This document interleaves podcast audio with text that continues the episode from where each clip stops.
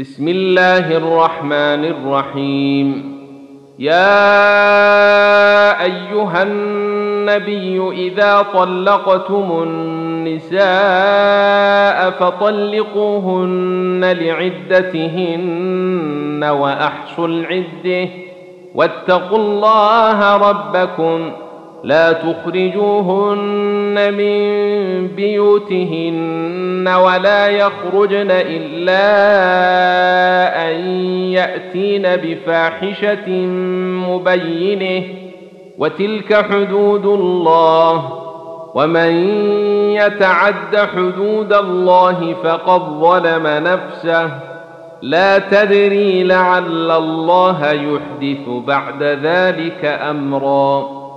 فاذا بلغن اجلهن فامسكوهن بمعروف أو فارقوهن بمعروف واشهدوا ذوي عدل منكم واشهدوا ذوي عدل منكم واقيموا الشهاده لله ذلكم يوعظ به من كان يؤمن بالله واليوم الآخر ومن يتق الله يجعل له مخرجا ويرزقه من حيث لا يحتسب ومن يتوكل على الله فهو حسبه إن الله بالغ أمره قد جعل الله لكل شيء قدرا.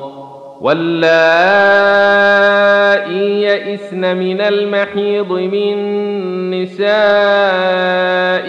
ان ارتبتم فعدتهن ثلاثة اشهر واللائي لم يحضن. واولات الاحمال اجلهن ان يضعن حملهن ومن يتق الله يجعل له من امره يسرا ذلك أمر الله انزله اليكم ومن يتق الله يكفر عنه سيئاته ويعظم له أجرا.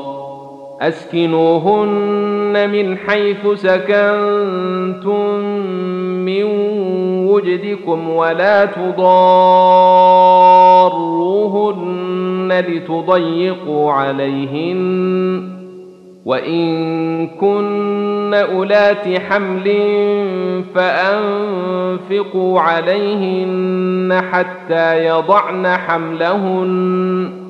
فإن أرضعن لكم فآتوهن أجورهن وأتمروا بينكم بمعروف وإن تعاسرتم فسترضع له أخرى لينفق ذو سعة من سعته ومن قدر عليه رزقه فلينفق مما اتيه الله لا يكلف الله نفسا الا ما اتيها سيجعل الله بعد عسر يسرا وكأي من قرية عتت عن أمر ربها ورسله فحاسبناها حسابا شديدا فحاسبناها حسابا شديدا وعذبناها عذابا نكرا فذاقت وبال أمرها وكان عاقبة أمرها خسرا. أعد الله لهم عذابا شديدا.